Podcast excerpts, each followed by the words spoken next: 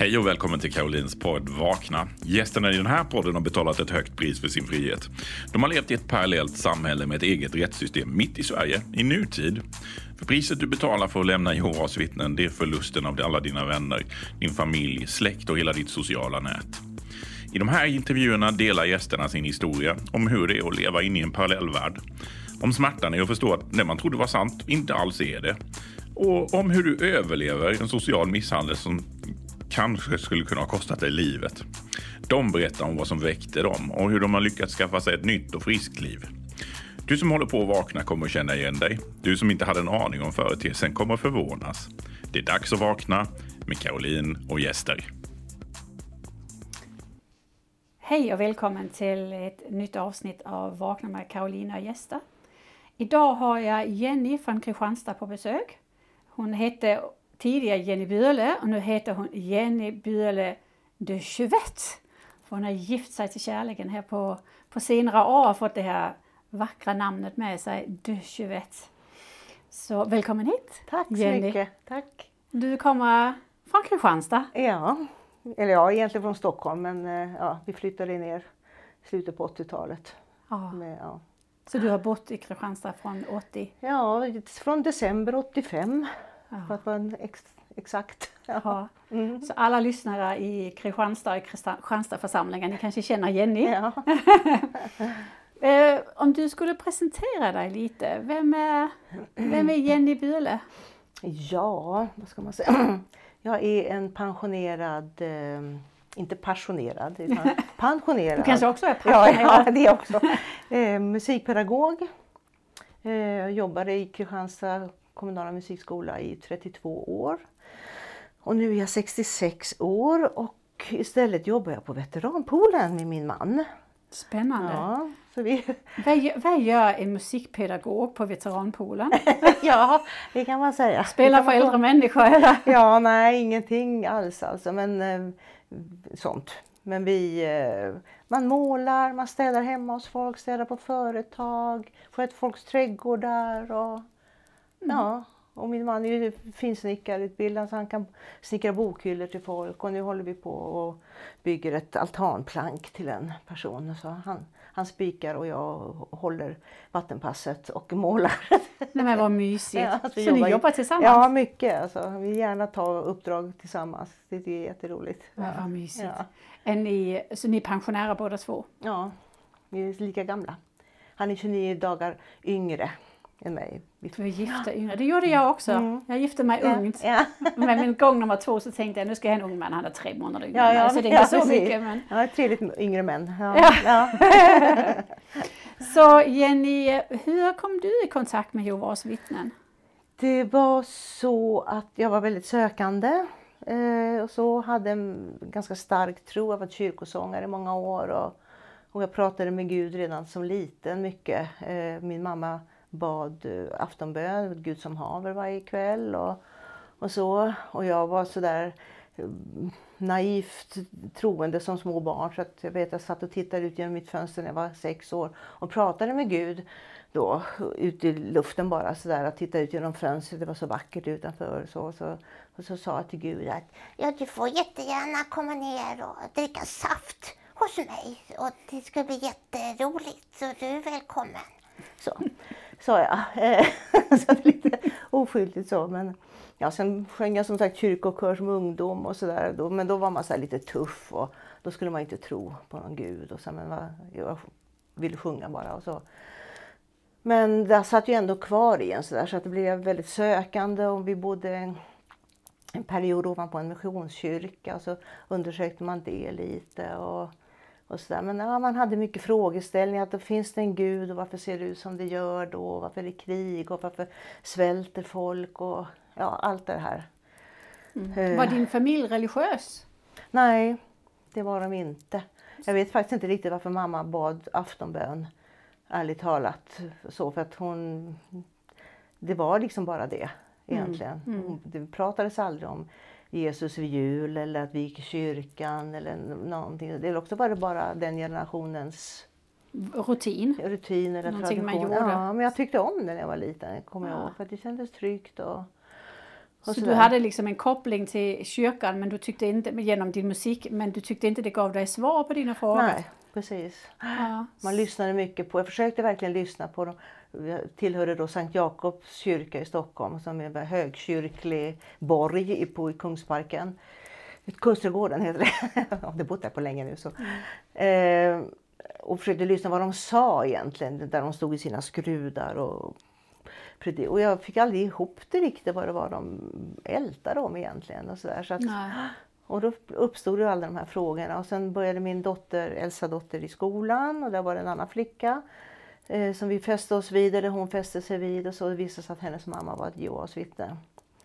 Eh, och så föreslog jag då, det visste jag inte då från början, så att jag tyckte att min dotter då skulle börja i kyrkokören i och med att jag var gammal kyrkosångare. Så tyckte jag att ja men då kan väl du också sjunga i barnkör i kyrkan och så. Ja, och så sa jag till min den här mamman då att du, du, du kan väl bli din dotter också, kan hon gå i samma? Och nej, det gick ju inte, och vi är inte med i Svenska kyrkan. Och, ja, och det ena gav det andra. Till slut förklarade hon då att hon var ett Jehovas vittne. Jaha, och jag förstod inte riktigt vad det var. Jag hade väl hört talas om det men inte vad det innebar. Alls så. så att, eh, och, ja, så hade jag ju mycket frågor och vi pratade om julen. Och hon sa att eh, nej men vi, vi firar inte jul och jag fick en fullkomlig chock. Men vad då tror ni inte på Gud och på- Jesus? Jo, jo, men han, han föddes ju inte då. Gjorde han inte? Nej, han föddes då i skiftet september-oktober. Jaha, så, firar ni jul i oktober då? Nej, det gjorde de ju inte heller. Så, och det var en så fullkomlig käftsmäll för mig, Ja. för jag älskade ju julen. Ja. så att, men, men det vet inte, på något sätt hindrade det inte mig ändå. För det var, jag tyckte ändå det var intressant det hon berättar. Hon berättade väldigt då trovärdigt om den här kronologin i Bibeln. Att, eh, ja, hur man räknar ut då, när Jesus egentligen föddes. Och, då han firade själv inte sin födelsedag. Och, och så vidare och så vidare. Och jag fortsatte fråga och fortsatte fråga. Och till slut så sa hon att ja, men nu har du så mycket frågor så att det är kanske lika bra att vi, vi börjar ett bibelstudie. ja. För det har vi med många människor. Så jaha, och jag tyckte wow vad kul. Och så ja, tänkte nu ska jag äntligen få svar. Och jag tyckte allting var vettigt. Liksom. Ja. Det var så logiska, självklara svar. Ja. Tyckte jag. Ja. Och, och man frå- ifrågasatte väl inte. Jag vet att jag i början låg i säng. Jag läste De vakna vakthorn och livboken som vi kallade det för. Och den här lilla gröna tror jag var i, i Bibeln verkligen Guds ord till exempel. Och, och lusläste det där. Och, och så, men det här med julen det satt hårt alltså. Så att jag vet att jag bad till Gud och, och sa snälla Gud, kan du inte ändra på det? Snälla du kan väl gör så att det blir så att vi får fira jul. Jag tycker allting hade blivit mycket enklare då. För det drog ju med sig så mycket då att, att barnen fick inte vara med på tomteavslutningen, fick inte klä ut sig till tomte, de fick inte vara med på luciafirande. De skulle inte, alltså där så skulle man hålla dem undan och så skulle man försöka förklara. Hur, hur gammal var dina barn i den här perioden när du började studera Jag och intressera dig? Ja, det, jag började nog studera 86 eller 87. Eh, och då 86 så började min äldsta dotter skolan, så hon var sju och pojken, mittenpojken var fem och yngsta flickan tre och ett halvt. Och hade de någon känsla av att julen kanske kommer att försvinna och födelsedagar? Hur var det för dem? Ja, nu hade den här mamman som jag studerade, hon hade barn i exakt samma åldrar. Och så fick hon en fjärde sladdisen. Men, eh, så alla mina tre barn gick i samma klass som hennes tre barn till slut. Och det blev ett väldigt stöd i det. Och hon umgicks ju väldigt mycket med det. Men då sa hon ju också att liksom, nej, men vi har presentdagar ibland då. Och så. Det kan man ha. Det är väl inte fel att ge presenter Nej. och så. Och man får äta tårta och så här. Och så första gången jag bjöd hem dem till mig, eh, hon och hennes man och barnen kommer med då. Då hade hon med sig en stor, det var också vid juletid, en stor, vad heter de, julstjärneblomma. Ja. Du vet en sån här riktigt Ja. buskig, stor. vacker. och jag på slå på arslet. Alltså jag blev alldeles, wow! Får ni använda sådana? Ja. Ja men det är ju Guds skapelse liksom. Ja. Eh, jaha, ja, och så, jag fyllde ju huset då med sådana saker. Då, hyacinter och Ja. för att jag ville Ja. ha kvar det. Ja. Och så, granen var tydligen inte Guds skapelse då. Men, Men jag får bara fråga, eh, barnens pappa, Mm. vad tyckte han? Delade han din intresse för... han hade stuckit då till, tillbaka i Stockholm. Så ni var, du var själv? Ja, Okej, det var ju ganska tufft så. Mm. ja, vi skilde oss när yngsta var två år. Ja. Ja. Var det också någonting som tilltalade dig, den här sociala gemenskapen? Kan det ha varit ja. Mm. Men det är klart, du var ju en sökare. alltså. Så. Ja, Ja. och att någon som bry, han gillar inte alls vittnena. Så, måste du just vara med med dem, vad som helst annars men inte dem, sa han. Ja, för man kan tänka det påverkar hans barn också. I och med, Ja. Bodde de heltid hos dig? Ja. Ja. Så det är klart det påverkar hans barn. Ja, ja precis. Men han valde ju själv att flytta tillbaks till Mm. Stockholm. Så att, eh, och då, han flyttade ju då midsommar 86 och då hade jag inte börjat. Jo, jag hade nog lite grann hade jag nog börjat. Så få lite hem tidningar kanske och Mm. lite sådär. Men Mm. det var ingenting han i. Men sen flyttade han ju upp Ja. någon gång, när det nu var, augusti sen eller så. Hur länge studerade du innan du döpte dig? Det var nog i, ska vi se här, två och ett halvt år. Och så började ni gå på möten. Så tog Mm. man med ensamstående mamma med tre små barn. Mm. Hur funkar Och då var det ju mötet tre gånger i veckan Ja. på, ja, Ja. utanför huset. Ja, jag kommer ihåg mitt allra första möte vi var på eh, i Åhus då, Åhus församling, en liten församling.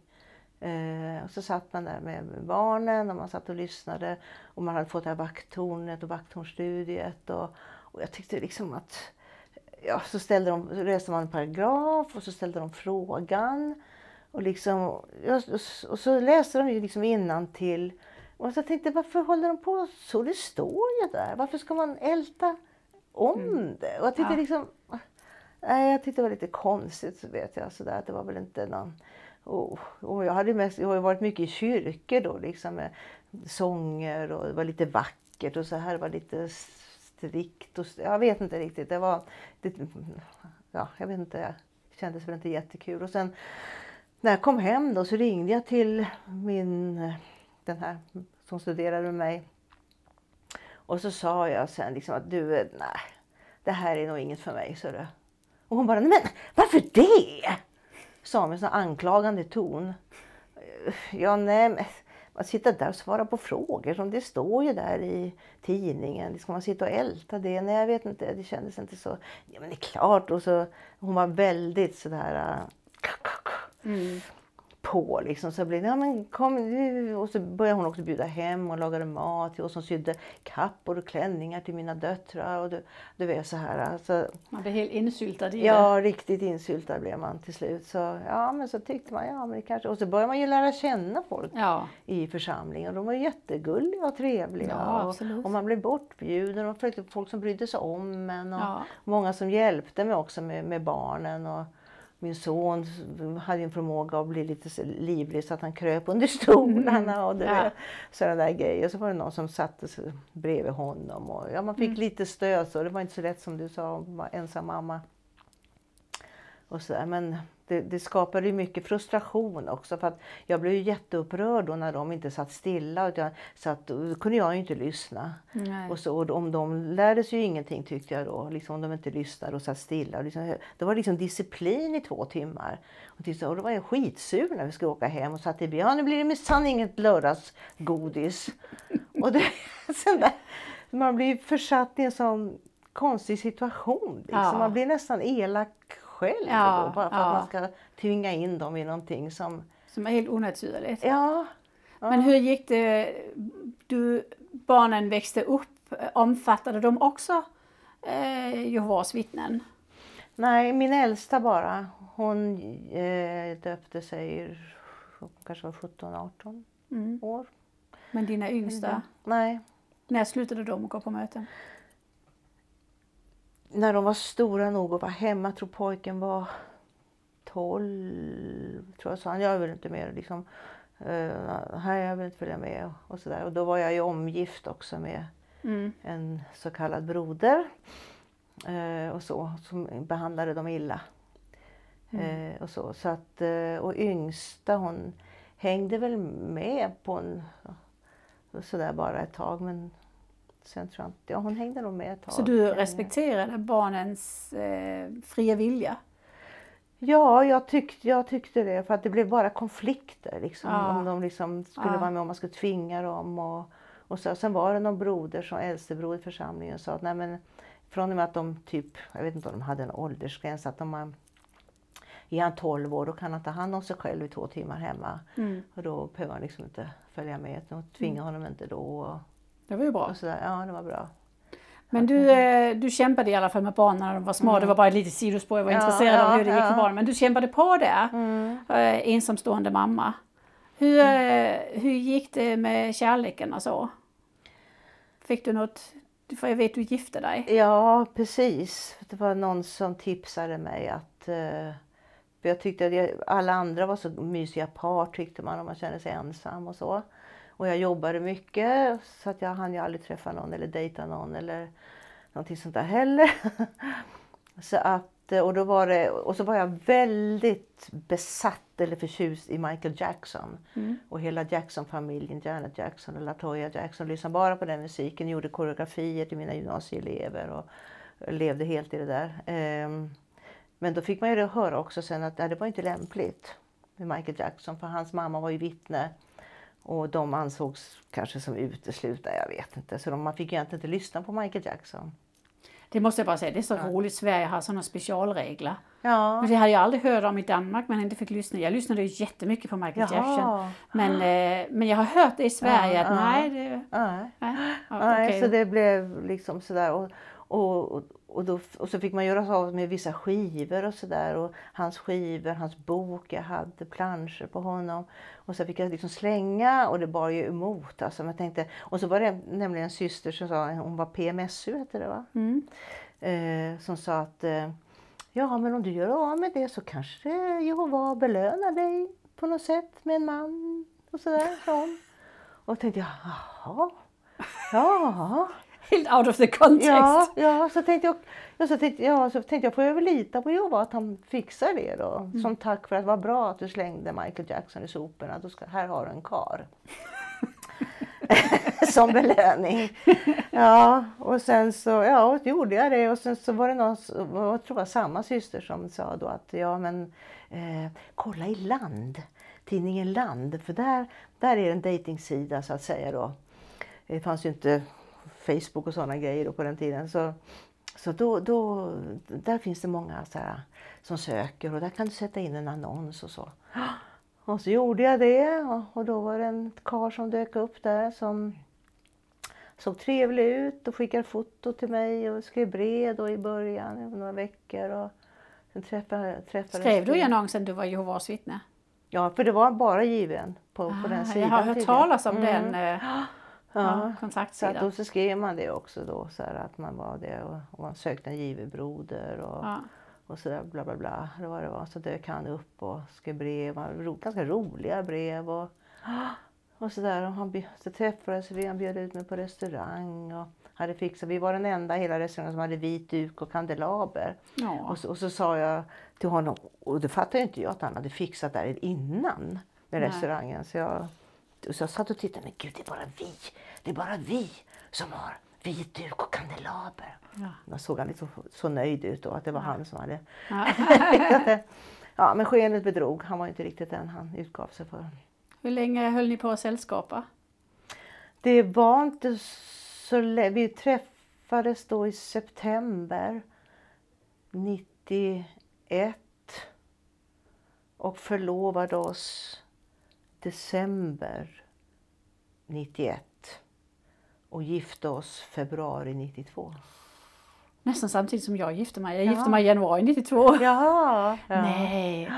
Och, då, och du, vad sa barnen? Vad tyckte de med den? Nej, de, han, han verkar ju ha lite pengar och sådär liksom. Så att eh, de tyckte att det verkar jättespännande och jätteroligt och, och sådär. Så att, eh, så att de, de hade nog inget emot det i bör- början. Då var de liksom frid och fröjd. Så. Ja. Men, eh, Det är väldigt snabbt att gifta sig. Ja, grejen var ju också varandra. att jag sa ju till honom att jag ville inte jag ville sällskap med honom ett år innan jag ens ville presentera honom för mina barn. Och när jag sa det på vårt andra restaurangbesök så såg han helt chockad Ett, ett, ett år! Så ja, men så jag vill inte komma dragandes med karar alltså så, och presentera det och så blir det ingenting och så iväg med han och så kommer en ny och här blir det inte heller någonting och så iväg med han. Så jag vill inte att mina barn ska uppleva det. Liksom, nej men, nej men så, men vi kan väl träffas och, och så ja, ja, ja. Och sen hörde faktiskt till historien att han hade varit gift också innan och hade två barn i tidigare äktenskap. Eh, lång historia, men så hade min Audi jag hade då, den hade topplucket brunnit på typ. Och det skulle kosta mig 3000 kronor att laga det. Och vi kom igång och pratade om bilar på det här restaurangen. Plötsligt ringer det på min dörr. Någon vecka senare. Eh, och då är det han. Och så kommer han upp eh, till mig. Eh, jag står och stryker. och så säger han, jag vill bara lämna det här. Så han får jag ett kuvert. Jaha, jaha, jag vill ha fika. Nej, jag ska gå igen. Jag skulle vilja lämna det kuvertet och kan öppna det sen. Och så gick han iväg och jag bara, jaha. Så öppnade jag kuvertet, låg det 3000 kronor i det. Mm. Och så kände jag, men vi hade ju inte lovat varandra att bli ihop. Det var ju precis, vi har ju känt varandra två, träffat två gånger. Mm. Så jag sa det till honom, men det är inte säkert att det blir, det blir vi, så jag. Alltså Nej. Det, nej, nej, men det, du är min syster och bla bla bla. Och så några andliga floskler som han kläckte Ja, ur sig då. ja. Så att, eh, och grejen var tydligen att han gjorde ungefär samma sak med sin första fru, att han gav henne någonting. Så att man blir, man blir liksom köpt. Ja, Det känns nästan fel att nobba en karl som har gett en 3000 ja, som är så snäll. Ja, Ja. liksom så. Så att, eh, ja, så gick det som det gick, att vi fortsatte då. Så. Och så gifte ni er ganska fort. Mm. Och då var du helt övertygad om att det här, det är ju en stor grej. Jag vet, jag har ju själv gift om mig Mm. med, med hemmaboende barn. Det är en stor grej att göra när man har hemmaboende barn och en, en man som inte är barnens pappa flyttar in och allt det här. Mm. Så eh, du var liksom helt insäker det här är det rätta att göra. Jag ångrar mig. Han hade ju restriktioner då dessutom, så vi fick ju inte gifta oss i rikets sal. Okej.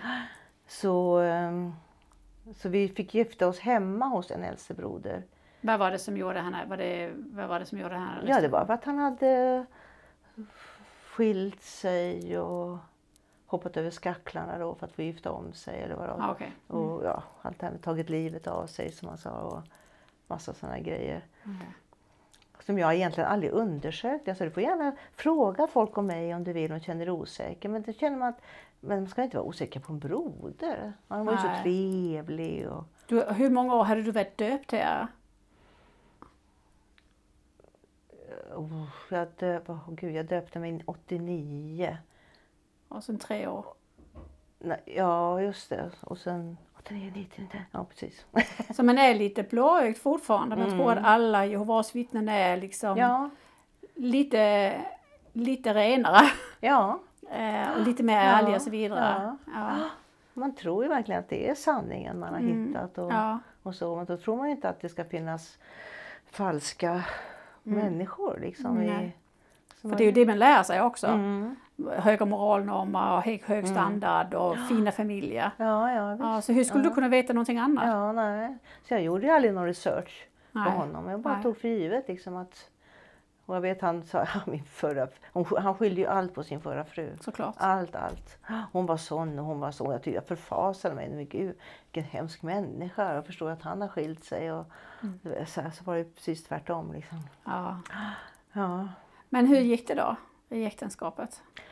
Det gick inte så bra alls. Så att vi gifte oss 92 och redan kanske e- efter ett, jag vet det är svårt att säga, halvår, max ett år så märkte jag, då kunde han liksom inte hålla, han var ju fullblodspsykopat faktiskt. Eh, och det, till och med hans förra fru fick det på papper i princip. Att han, när han hade försökt ta livet av sig och, och så, de släppte hem honom efter tre dagar bara. Så här. Och hon blev så chockad över det. Ska han verkligen skickas hem? Han har ju haft en psykos. Han har ingen psykos. Han är psykopat, hade läkaren sagt. Oj. Som genomskådar honom. Ja. Alltså, men sånt där garvar ju han bara åt för han, han var ju inte psykopat. Och jag hade lite svårt att tro det för han kunde gråta på rätt ställe och du vet sådär också. Men sen lärde jag mig vad psykopater var och hur de kunde. Men eh, nej, så det började knaka i fogarna.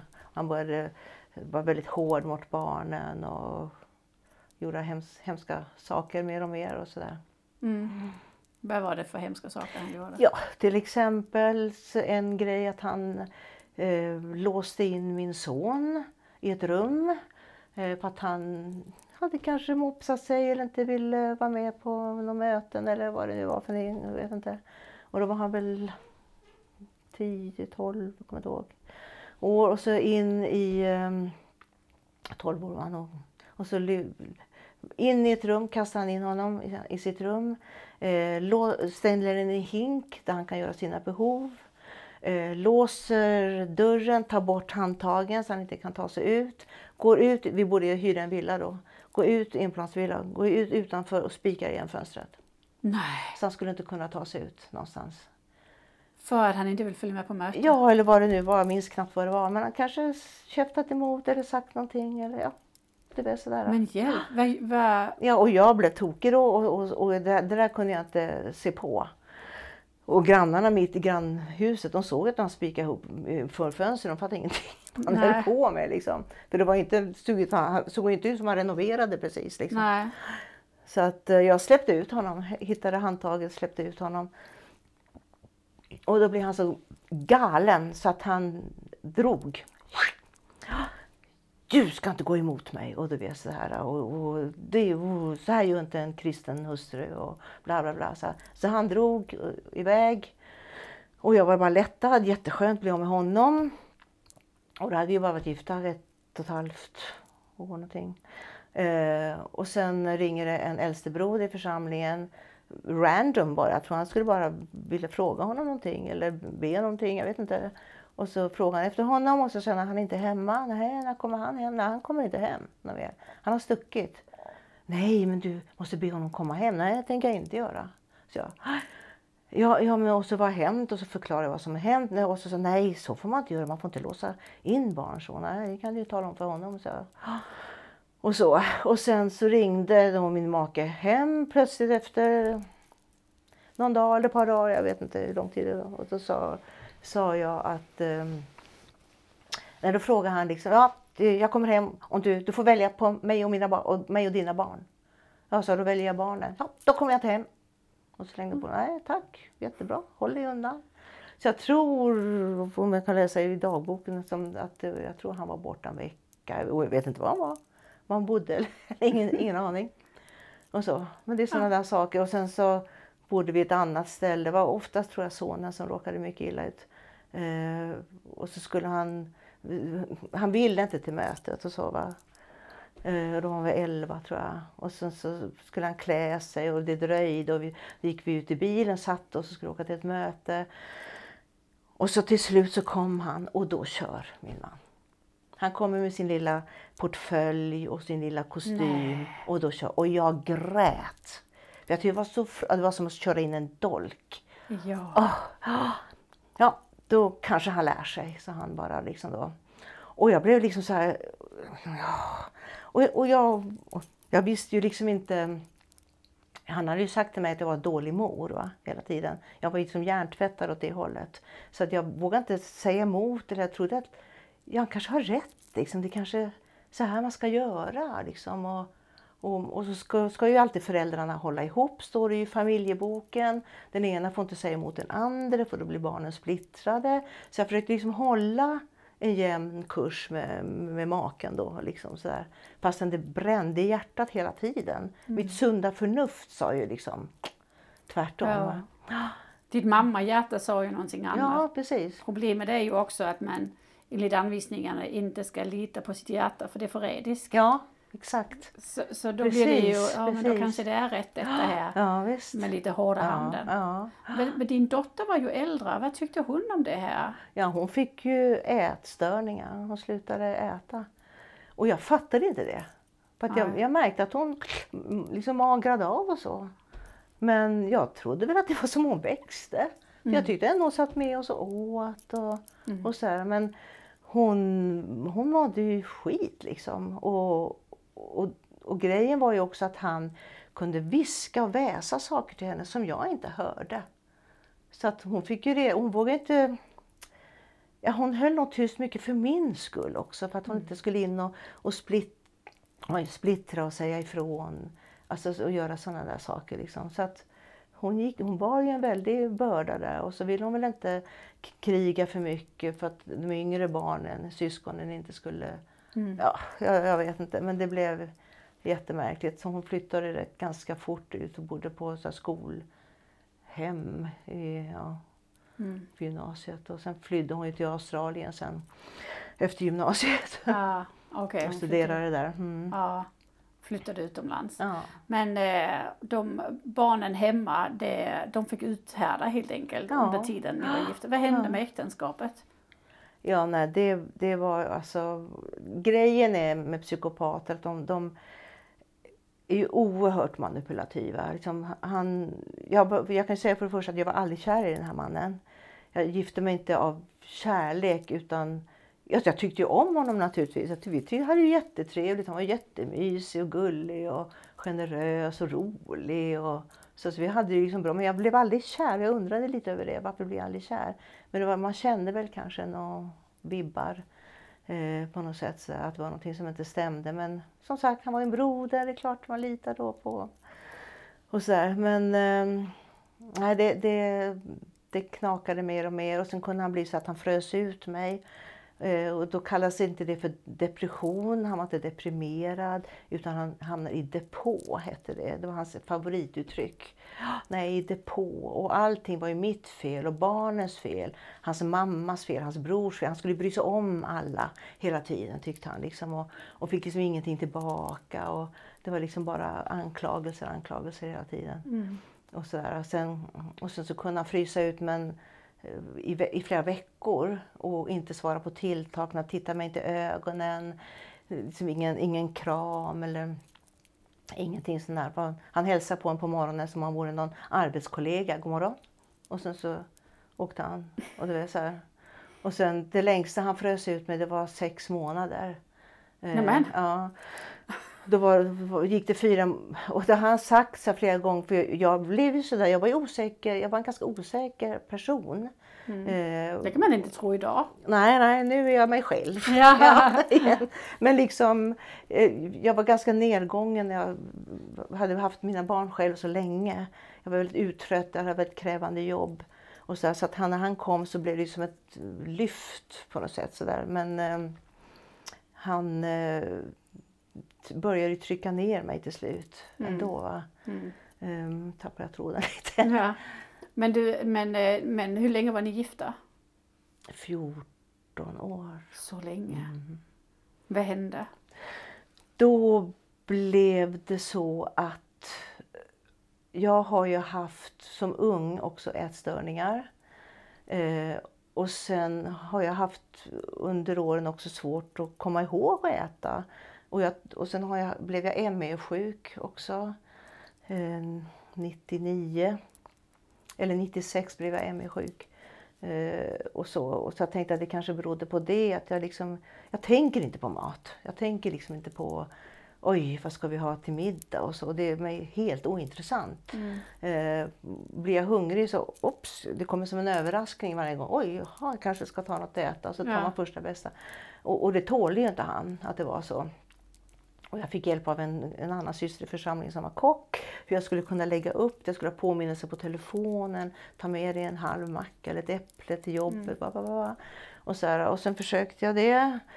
Eh, och så att, ja, I 14 dagar och så var jag lite stolt över att jag hade liksom ätit regelbundet. Och så. så säger jag det till den här mannen då att ja, nu har jag klarat att äta i, i, i 14 dagar. Liksom, så här, jag.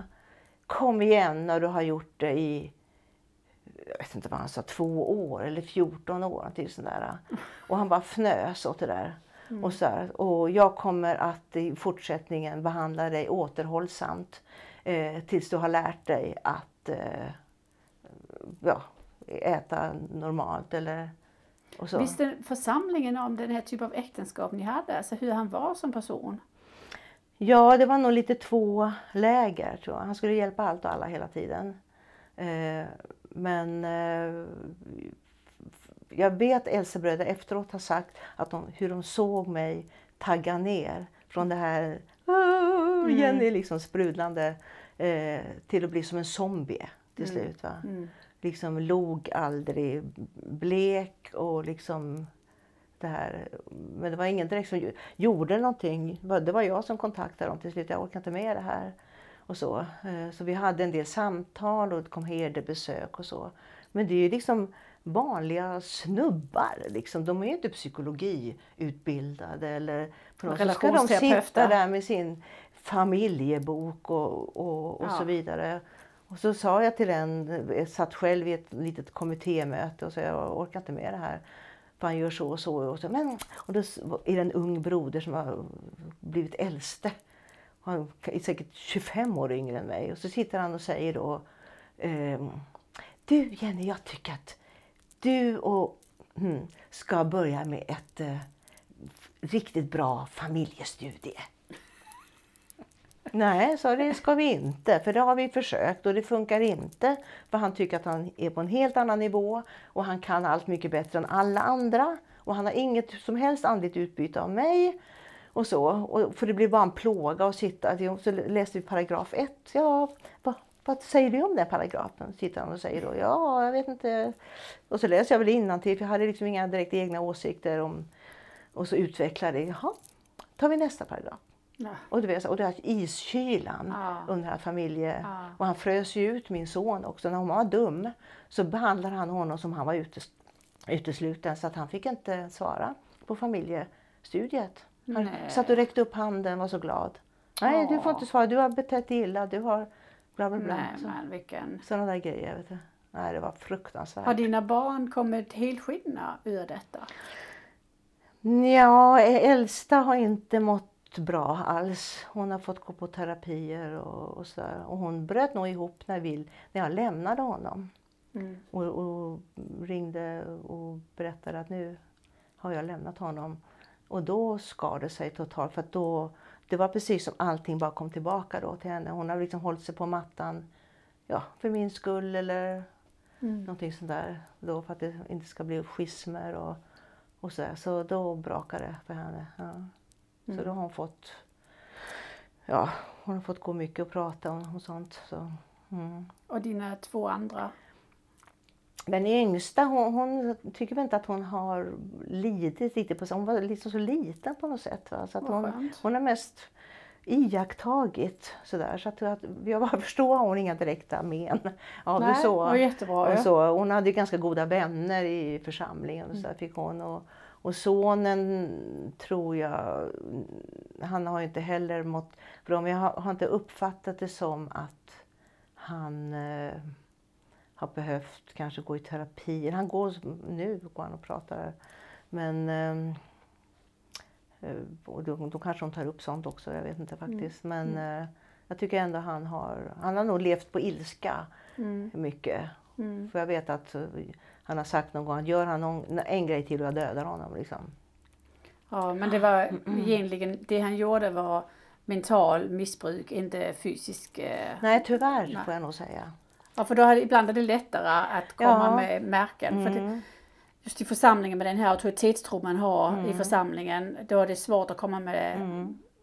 Fast det kan ju äta ännu mer med, Mm. med den Ja, eh, gud, ja. mentala misshandel, Ja, ja Mm. visst. verbala misshandel. Men, men eh, vi, vi, jag, jag vet mm, barnen också tänkte så, i alla fall min äldsta dotter tänkte också ibland, hoppas han slår oss någon gång. Och jag hoppas också att han slår mig eller barnen. Hade han gjort det en gång hade jag stuckit. Ja. För då hade jag fått direkt liksom, svart på vitt att det här går inte. Liksom. Och så skulle han kunna få komma krypande hur mycket som helst. Ja men det var inte meningen och bla bla bla. Så, för så gjorde han ju när han hade frusit ut mig. Så plötsligt bara släpper den här depån. Nu är jag tillbaka igen, säger han. Och så kramar han om mig och så skulle allt vara så bra igen. Men då hade liksom varje, varje sån där depå, det blev liksom ett steg fram, två steg tillbaka, ett steg fram, två steg tillbaka. Du vet, så, här, Mm. så avgrunden blev ju djupare och djupare. Och det var det jag började berätta om det här med när han frös ut med fyra månader. För han har ju sagt innan att ja, men är det något så är det bara att tala om. de, jag, jag frågar mig om det är något och så. Eller då säger jag vad det är, så sa han, så du behöver inte fråga. Liksom. Nej, och så ställer jag det bli att fråga. För jag frågar alltid, har jag gjort något? Har jag sagt någonting? Vad är det? Liksom? Nej, det är ingenting. Är- I så fall talar jag om det för dig. Jaha, ja, ja, okej. Så att du, du frågade ingenting på fyra månader. Till slut fick jag nog. Och så säger jag, men vad är det? Ha- Är det någonting jag har gjort? Eller vad? Ah, jag trodde aldrig du skulle fråga. Säger han då. Ja, men, ja, men så du har ju sagt att jag inte ska behöva fråga. För du skulle tala om det. Så, Jaha, så det gäller alltid då? Säger han. Ja, men vilken ben ska man stå på? Ja, men Ja. vad, är, vad har jag gjort? Ja, det kan du få fundera på. Säger han. Nej, det tänker jag inte göra. Jag har skrivit i dagboken. Nej, det tänker jag inte göra. Så nu har du frusit ut mig här i, i fyra månader. Så att då, nu får du faktiskt Ja, du kan ju ställa dig och titta på tröskeln i vardagsrummet. Låt ögonen gå upp och ner från tak, väggar och... Jaha, och så då, då gränsade köket precis till vardagsrummet och så ställde jag mig och gjorde det. Och jag tycker allting, glaset står där det ska. Och, och den duken ligger och inga smulor. Och, och liksom, allting ser bra ut tycker jag. Så, ah, Nej, så jag ser ingenting. Vad, är det, vad håller du på med? Vad är det för någonting? Så, ah, ja, och så går han då och så börjar han flytta undan möbler och, och, och växter liksom. För vi hade så här stort altandäck utanför och stora sådana panoramafönster. Och då, då har man ju möbler mot det inomhus.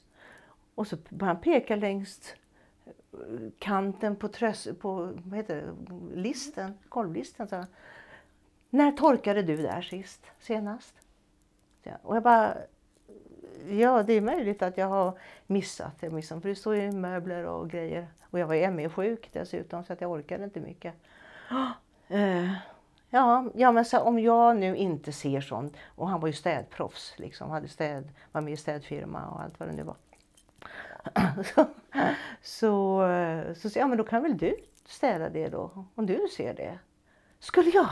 Jag handlar, jag lagar mat, jag jobbar heltid, jag tar hand om er och, er, och jag gör det och det och det och det och det. Och du vet så här. Så bara skuldbelade han mig och så här. Och tänkte jag bara fine liksom. Och sen var han kylig i två månader till så det gick sex månader innan han liksom Ja men nu är det bra igen. Ja, det var ju fantastiskt. Eh, han orkade att hålla på så. så Ja, han, men han njöt nog av det för att varje gång han ville ha ändring på något sätt och jag gjorde som han sa för husfridens skull. Så efter ett tag var det inte bra nog ändå och då Nej. frös han ut mig igen för då var det något annat. Och så var det något annat. Och så kastade han, det bästa han visste var att kasta. Och det märkte jag på fler bröder att de är så snabba och slå bokstavligen hu- Bibeln i huvudet på en. För liksom, så här gör en kristen hustru. Och du ska vara så här och du ska vara så. För så här står det att en kristen hustru ska vara. Och du gör inte dina uh, hustruplikter som en bla bla bla. Så man ska få den biten också och tro att man liksom har Jehovas eh, ilska över sig också. Att man inte är tillräckligt bra fru som gör fel. Och, Det är ju verkligen farligt att ge eh, att sätta in en psykopat i Jehovas vittnen eller vilken annan frikyrka som helst för det blir så mycket makt de har Ja, bakom sig. Det är inte bara han utan det är Gud som säger det. precis. Då är det ju lite mer. ja. Men hur fick du kraften till att lämna honom? För du var ju så ner, Ja, urät, eller ska man säga, precis. urholkat. Nej, Men det var så. var fick du den det, det ifrån? var efter det här när han sa att jag kommer fortsättningsvis behandla dig återhållsamt om du inte lär dig äta på rätt sätt och så. Eh, och där gick ridån ner, slutgiltiga ridån. Och då började jag planera eh, min flykt. Eh, och började prata med vissa vänner som förstod vad han var för ett svin. Eh, och så. så att eh, när han var på en eh, Just det, så gick jag till Elsebröderna också och sa att jag kommer lämna min man. Eh, och då tyckte de, "Nej, men ska han inte bara studera, bla bla bla, kom det där. Och nej, jag kommer lämna honom, det står inte ut längre. Jaha, nej. Och sen eh, blev det så att eh, han var på någon slags eh, jobbkurs eller vad det var. Sånt. Eh, en helg. Och då eh, hade folk, jag hade flytt Nej, förlåt, så här var det. Jag kommer hem till honom och säger, nu har jag berättat för Elsebröderna att jag ska lämna dig. Och jag kommer lämna dig. Jaha. Men är, är det okej att jag bor här så länge tills jag hittar något annat? Liksom? Ja, jag tänker inte försvåra det hela. sa han sådär. Ja. Men ska du bo kvar eller ska du sälja liksom? Nej, jag kommer bo kvar här. Ja, och då hade vi köpt ett litet väskstuga eh, tillsammans för några år sedan. Och sen eh, så tyckte han, och så sa jag, ja men då får väl du köpa ut mig. Och då kom det ju en harang om hur okristet det var med. Att du har mage. Först ska du lämna mig. Och, och Gud hatar ju skilsmässa. Och sen ska du dessutom ha pengar. Och du vet så här. Och sen så sa han, eh, sen hotade han mig och sa att eh, akta dig för att och, typ akta dig för att gå emot mig för då ska du få se på en berg dalbana du inte varit med om tidigare. Så, och så sa jag, jaha, sa jag, så du sitter och hotar mig? Intressant. Så, så, jag hotar inte dig, jag bara säger som det är. Så. Ja, och så förstod jag att nu kommer vi inte längre. Så att jag, vi bodde på olika våningar då. Så jag gick ner i min källare och eh, tänkte att ja, ja, okej. Okay. Och då är det någonting där nere i mitt rum som jag känner, som jag kallar efteråt att det var änglar som hjälpte mig. För då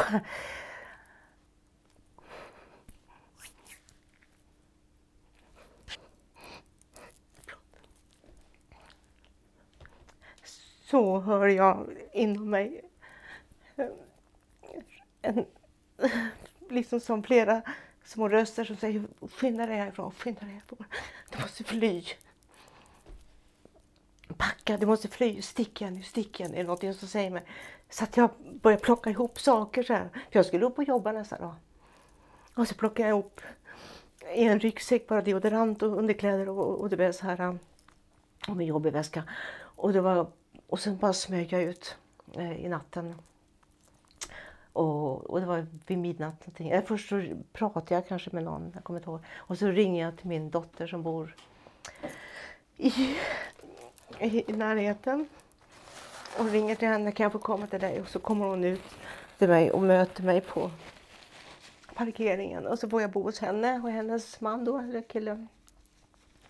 Och så, och så får jag en tillfällig bostad hos hans mamma då som hyr ut ett studentrum ibland. Och sen eh, så eh, märker väl han det att jag... Eh, ja, så småningom märker han att jag inte är där. Och, och sen vet jag att han ska bort i helgen. Eh, på sån här, det var en onsdag. Det här, jag kommer ihåg nu. I september. Och sen eh, 2006. Och sen den helgen så kommer vi som, det är som myror ur jorden. Så kommer vi och vi packar i 11 timmar. De packar ihop hela min våning där jag bodde. Och så drar vi iväg. Mm. Och då flyttar jag då till, det är då jag flyttar till den här studentbostaden, om man ska kalla det för, som hans, min dotters, yngsta dotters svärmor då hade. Så jag fick bo, hyra där och henne, eller bo där gratis eller vad det var. Mm. Så att, eh, ja, det var fruktansvärt alltså. Jag förstår det. Fick han några, hade några konsekvenser i församlingen, eh, mm. detta här för honom? Nej, han, han tog ju på sig offerkoftan. då och, och kom tårögd till mötena tydligen och liksom och sa att det var ju hemskt detta och, och, och folk skulle, skulle tycka synd om honom. Och så, och, så församlingen delades på något sätt i två läger. Vissa hälsade med medlidsamt på mig, särskilt många systrar som jag hade pratat med mm. innan. Och vissa bara eh, kom bara kyligt och hälsade och sa precis som hur har jag kunnat lämna denna fantastiska man som är så hjälpsam och så kunnig och du vet han har ju så. Så ni gick på samma möten? Ja. Mm. Men till slut orkade inte jag det. Jag vet inte hur länge jag höll ut med det. Om det var ett år eller ja, jag kommer inte ihåg längre faktiskt. Men jag bytte församling. Vi tillhörde då södra då och så bytte jag till norra församlingen. Fick du mycket stöd av församlingen under den här perioden när du separerade? Och... Nej, det kan jag inte minnas. De kom hem och pratade med mig när jag fick tag i en lägenhet. Jag lämnade in till skilsmässa. Jättesnabb var jag. Så ja. jag hade fått egen lägenhet och ordnat skilsmässa inom en månad. Mm. Ja, han var helt chockad karln. Helt chockad. Så han skrev inte på papperna från början. Nej. För att han var så. Va? Så jag hade mm. lyckats överbemanna honom. Hans skarpa hjärna. Mm. Som han var så stolt över. Nej, så det var fruktansvärt. Nej, det var inte... Nej, det var inte mycket till, till stöd. De förstod väl att det hade varit jobbigt och så. Och de, grejen var att de, nästan alla kände ju till vad han var för någon. För de kände ju till hans förra äktenskap. Var det också nere i samma församling? Nej, de tillhörde nog YS Ja, okej. där då. Eller Ja. något sånt där tror jag. Eller... Var hon, hans exfru, var hon Jehovas vittne? Ja, mm, Okej. mm. Och, Och, du, är väl fortfarande tror jag. Och du hade kontakt med henne? Ja, det blev så till slut att jag ringde upp henne och sa att nu lämnar jag. Jag har bara väntat på det så. Ja, ja, ja, hemskt. Hemskt var det. Hade de barn tillsammans? Ja, två stackars barn. Ja. Mm. Hon har ju till och med skrivit en bok om honom. Hon är föreläsare Jaha. och skrivit en bok. Och hon, har- hon har mycket föreläsningar om, eh, om eh, relationer och sådana där saker. Jätterolig. Vad heter den boken? Eh, det har jag glömt Ja. nu, faktiskt. Jag, tror, jag fick aldrig tag i den för folk, ville, folk hade läst den. Nämligen. Men de ville inte ge mig den. Nej, det, det är bättre att du har din egen uppfattning om honom. Och, och liksom, och så där. Men jag kan väl få läsa den, det är kört liksom ändå. Nej. Jag fick till slut tag på den, jag fick låna den av en person. Jag, jag minns faktiskt inte just nu vad den hette. Men i den boken så kallar hon honom för Sten. Ja. Just på grund av hans stenhjärta. ja, just det. Men hon är ett Jehovas vittne och så vidare. Ja, ja, det Ja. är hon fortfarande. Men eh, du blir separerad, börjar ett nytt liv och Mm. börjar bygga upp dig själv igen. Va, hur, eh, hur, hur är det nu för dig i församlingen? Och i din, är du fortfarande djupt troende på, på allting?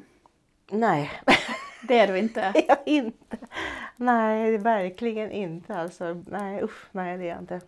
Jag, jag har hamnat i en slags, vad kallas det för limbo, med min tro överhuvudtaget. Mm. Liksom, för att man, all den här hjärntvätten som, som vittnar man skulle tro på speciella saker som man absolut trodde på. Jag var ju pionjär ett tag också, kanske ett år. Mm. Jag trodde ju verkligen att det var sanning och det är lite svårt att tvätta ur det. Ja. Så bara plötsligt att jaha, då kan, kan man inte lita på Bibeln då? Eller har, har Gud inte skrivit Bibeln? Och du vet så här. Men vad var det som gjorde att du började tvivla på läran i Jehovas vittnen? Det var några saker.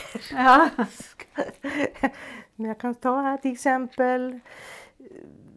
eh, En sak till som jag funderade på länge också. Varför universums skapare då är så svårtolkad. Varför gör han en bok som folk inte förstår sig på? Om man nu vill berätta om sig själv. Jag finns och lita på mig och, och så. Nej, men då ska det vara en liten klick människor eh, som vittnena då, som utger sig för att ha den exakta kunskapen. Typ. Att, att de bara ska ha en förmåga att tolka den. Och vi är ju 10 miljarder på jorden. Varför ska den här... Ja, sådana där saker. Och så står det dessutom att predika inte vi så ska stenarna predika. Så ja, okej. Det behövs vi ju inte. Ja, nej, lite så här. Eh, och sen också det här som jag funderar på. I och med att jag var så förtjust i julen och inte fick fira jul längre. Så tänkte jag många gånger. Varför ska en gud som har skapat nu hela universum och allting.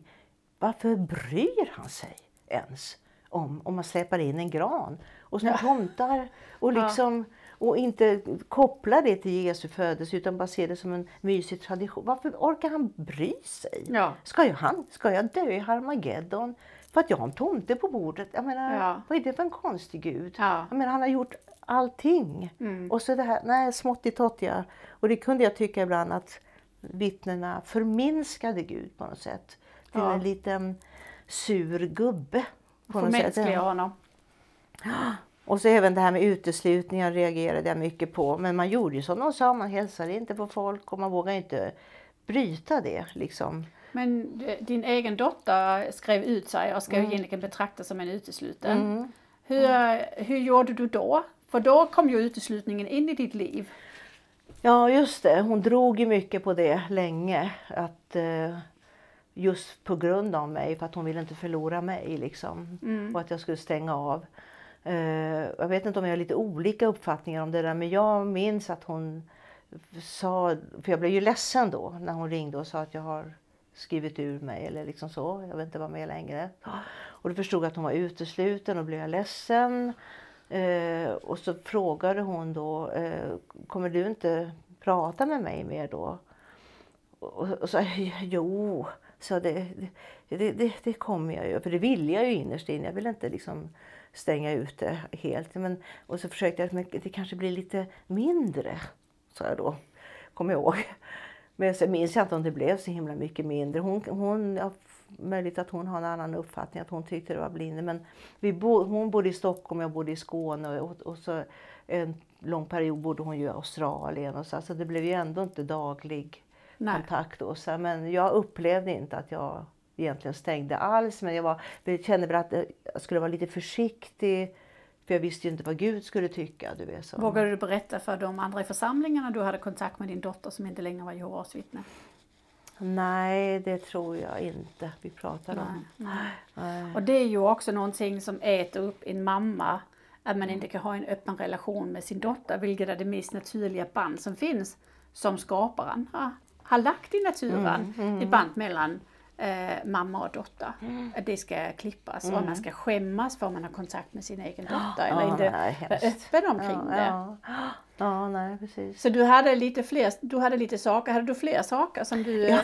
som du eh, började liksom att fundera över? Ja, det, det var ju det här med också att uteslutningar till exempel, att det står utesluten onde ur krets. Men man är väl och jag undrar liksom, varför är man ond? För att man inte orkar mer, inte vill mer, mm. inte tror längre på samma sätt. Då är man väl inte ond? Nej. Så jag, förstod inte det. Och så hade jag som parallell att om, om någon har mördat sin fru och barn då hade man ju inte bjudit hem honom på middag eller kanske ens hälsat på stan. Då ser man ju det som en ond människa som mm. har så, och det tycker jag är, det är mer ondska än att man liksom bara lämnar. Ja, alltså så, så det där förstod jag inte. Och sen det här med att tvinga folk att gifta sig innan de ens varit ensamma med varandra, aldrig provbåt med varandra, aldrig haft sex med varandra. Och sen när det går åt helvete, ja då ska de leva i celibat tills den andra hoppar över skacklarna och dör. Eller dör. Ja, ja. Och det kan jag snacka om ondskefullt. Ja. Och särskilt när väldigt unga människor gifter sig tidigt och så kanske de är 18 år och så orkar de inte med varandra när de är 25. Och så kanske det händer någonting och skiljer. Ja, då... Ska du leva evigt ja. ensam? Ja, precis. Det och så är saker. Och så var mycket grymma bibliska berättelser om våldtäkter till exempel Bibeln. Som man får intrycket av att, att Gud på något sätt har godkänt. Mm. Och sådana i, i gamla testamentet, eller vad det heter. Mm. Uh, uh, och så var det också en grej jag vet inte om du kommer ihåg det. Det var en historia om en äldstebroder som eh, och hans familj. De skulle iväg på någonting, resa bort eller vad det var. Men så hade han en gravid dotter eh, hemma kvar i stan eller jag vet inte vad. Och så, och så bad han till Gud om skydda min dotter medan vi eh, reser bort nu här och så. De kanske skulle flyga så hon inte fick flyga för att hon var höggravid. Eh, och då, fastän han, ber, han är äldstebroder, trogen och han ber till Jehova då och säger, ber om hennes beskydd. Och hon blir mördad. Mördaren skär upp magen på henne, tar ut fostret och försvinner. Jag kommer ihåg det. Mm. Och det, jag blev så chockad över det. Och då tappade jag lite tron på mm.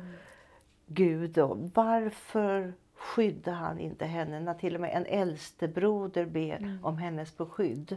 Ja. Och då började jag svacka. Liksom ja. så här, va? Ja. ja men ja, jag vet inte vad de hade för svar på det. Alltså, de försökte Nej. liksom ja, prata bort det på något sätt. Men jag tyckte det var fruktansvärt. Ja. Liksom.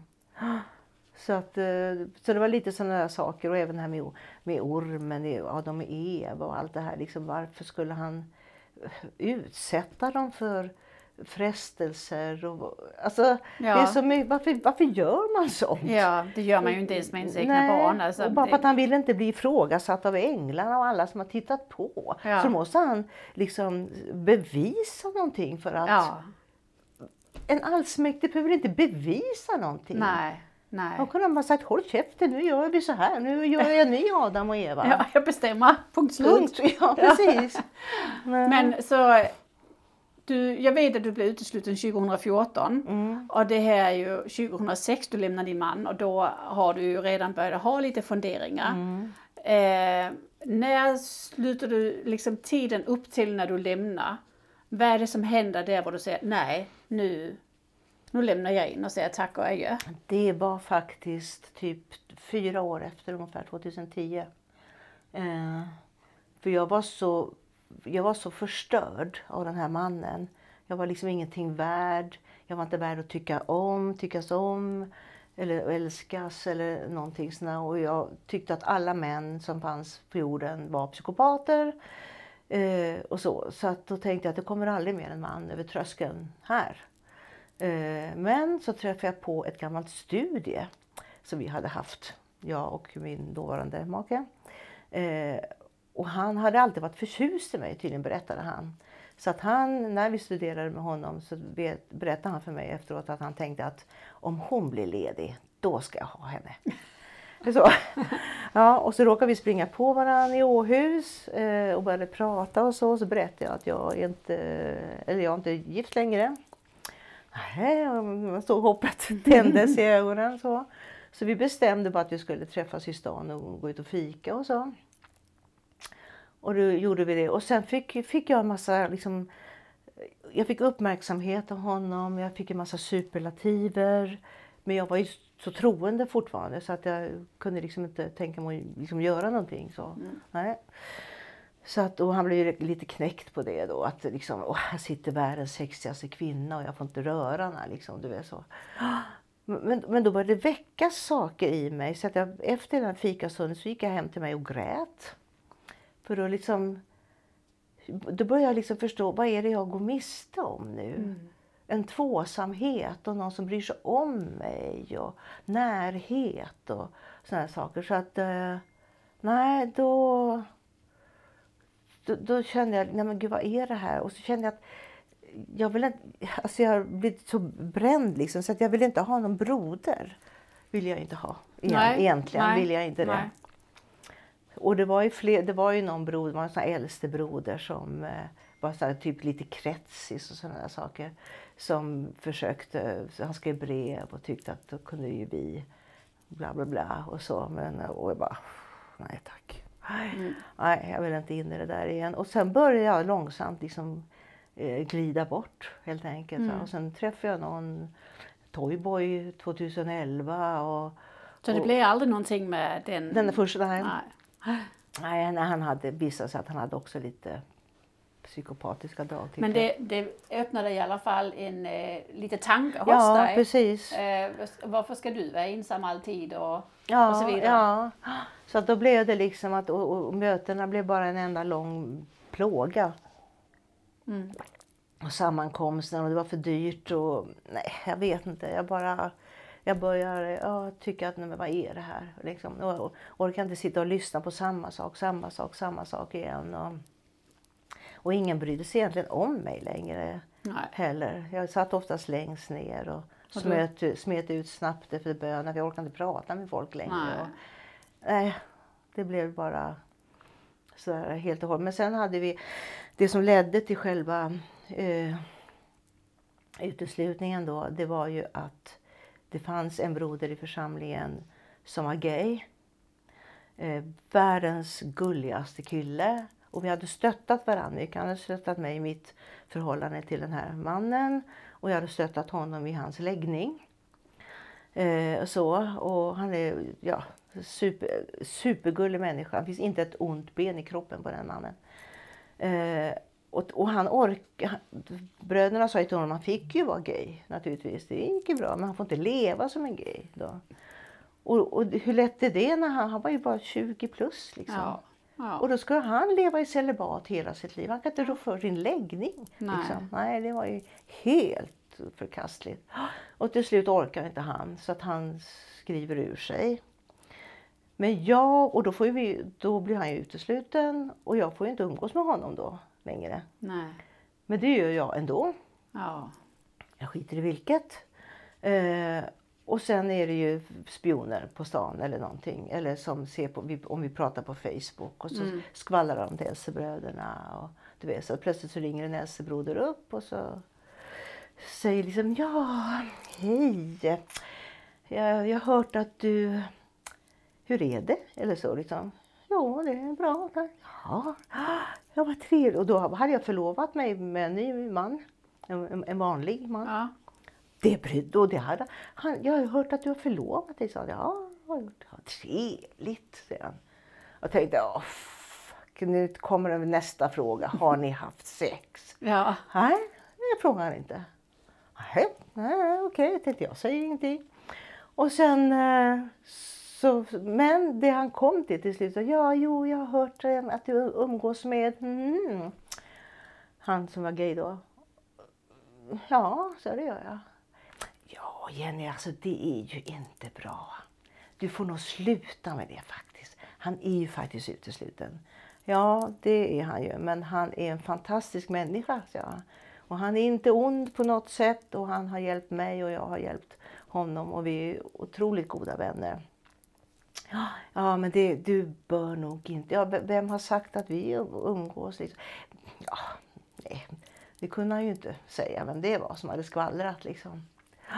Jag tänkte, jaha, var har de sett det någonstans? Ja, det fanns ju mycket kryphål i ja, mass, eller vad heter det, sociala medier och sådär antagligen. Men jag tänkte, ja, nu får de ge sig. Alltså. Nej. Så, ehm, men, och sen, de frågade inte ett dugg mer om den här mannen jag var förlovad med. Inte ett dugg. Nej, utan de, det var bara fokus på att inte umgås med den här gaykillen. Då, alltså. Och sen vet jag inte om de, det, det gick några veckor, jag skulle väl få chansen att avsluta det här umgänget med honom då. Och sen eh, ringde de, jag vet inte om de ringde en gång till och ja, jag, du har visst inte, du umgås visst fortfarande med, mm.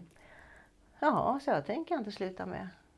Ja men alltså det, det är ju så här, du vet ju vad som står i Bibeln och bla bla bla.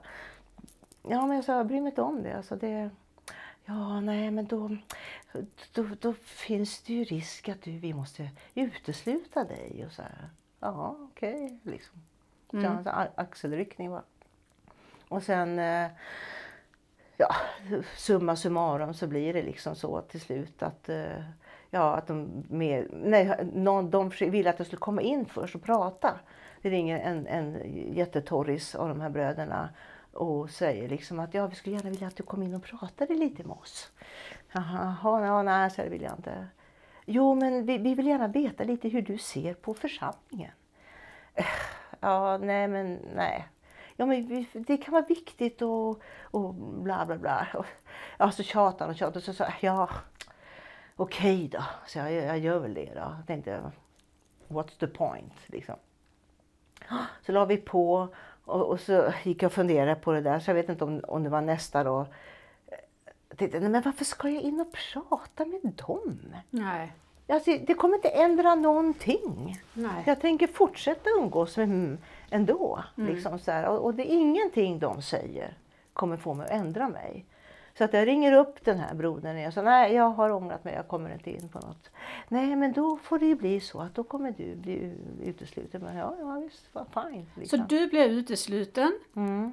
Utan att ha gjort något fel. Du har umgåtts med en gammal bekant Ja. och de förhör dig inte. Har, det är det enda du har gjort. Ja, och då bara säger de över telefon. Um- Umgås med en som är utesluten som är gay. Ja. Det var... Och jag måste faktiskt säga, den här personen som du pratar om, Mm. har jag hört andra, har väckt andra bara genom sitt trevliga sätt. Ja.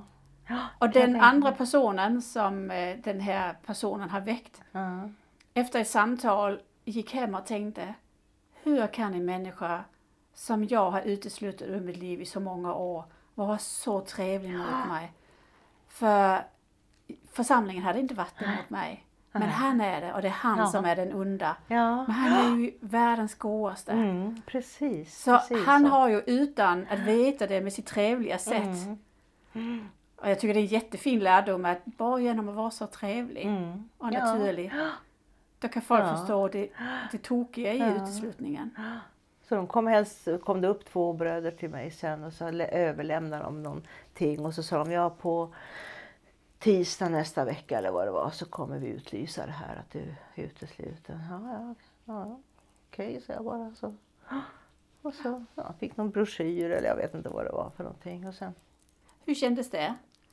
ja, jag vet inte, jag tyckte det kändes bra på något sätt. Jag kunde ju fira jul hur mycket jag ville. Och, Du hade inte dina barn i JV, du hade inga föräldrar, släktingar, Nej, du hade ingenting, ingenting ingen. kvar. Nej. Det var bara ett tomt skal. Och du trodde inte på det längre. Alltså det är, när du var sökande och sökte dig till det fyllde din roll men nu var det Mm. ja, ingenting. nej, det var mycket, alltså jag trodde ju på mycket fortfarande. Alltså med Ja, okej. profetiorna Okej. och allt det där. Alltså det, hade jag, så jag var ju, det var ju nervöst samtidigt. Hade jag- du nog Harmagedonskräck eller så? Det hade jag. Ja. Vad har du gjort med den? Ja, jag försöker montera ner fortfarande lite grann. Alltså så, det är väl, ja det är lite sådär. Men, men nu känner jag, jag känner väl till slut då att eh, nu kan jag fira jul, nu kan jag fira födelsedagar, nu kan jag vara ihop med killar. Eh, för jag har redan, alltså jag, jag har, det är kört för mig redan. I och med att jag var utesluten så har man ju redan skrivit under sin dödsattest. Okej, så du trodde det? Mm, det trodde jag. Eh, så Tror du tänkte- fortfarande det? Nej, jag försöka svara nej på den frågan. Nej, jag vill ju inte tro på det. Men, men visst, det sitter, alltså det sitter ju någonstans i förlängda ryggmärgen allt man har lärt sig. Liksom. Och så om, om Bibeln, om man ska tro på Bibeln och det som är sant och profetierna. Och, och, liksom, och, så, och så tänker jag liksom, Gud, tänk om det är så att de hade rätt. Hela, det så här, Ja, hela tiden. Så man, ja, det är här, men jag tänker att ja, ja, dör jag så dör jag. Alltså, då får jag göra det då. Att jag kan inte Du har, nu har du varit ute i...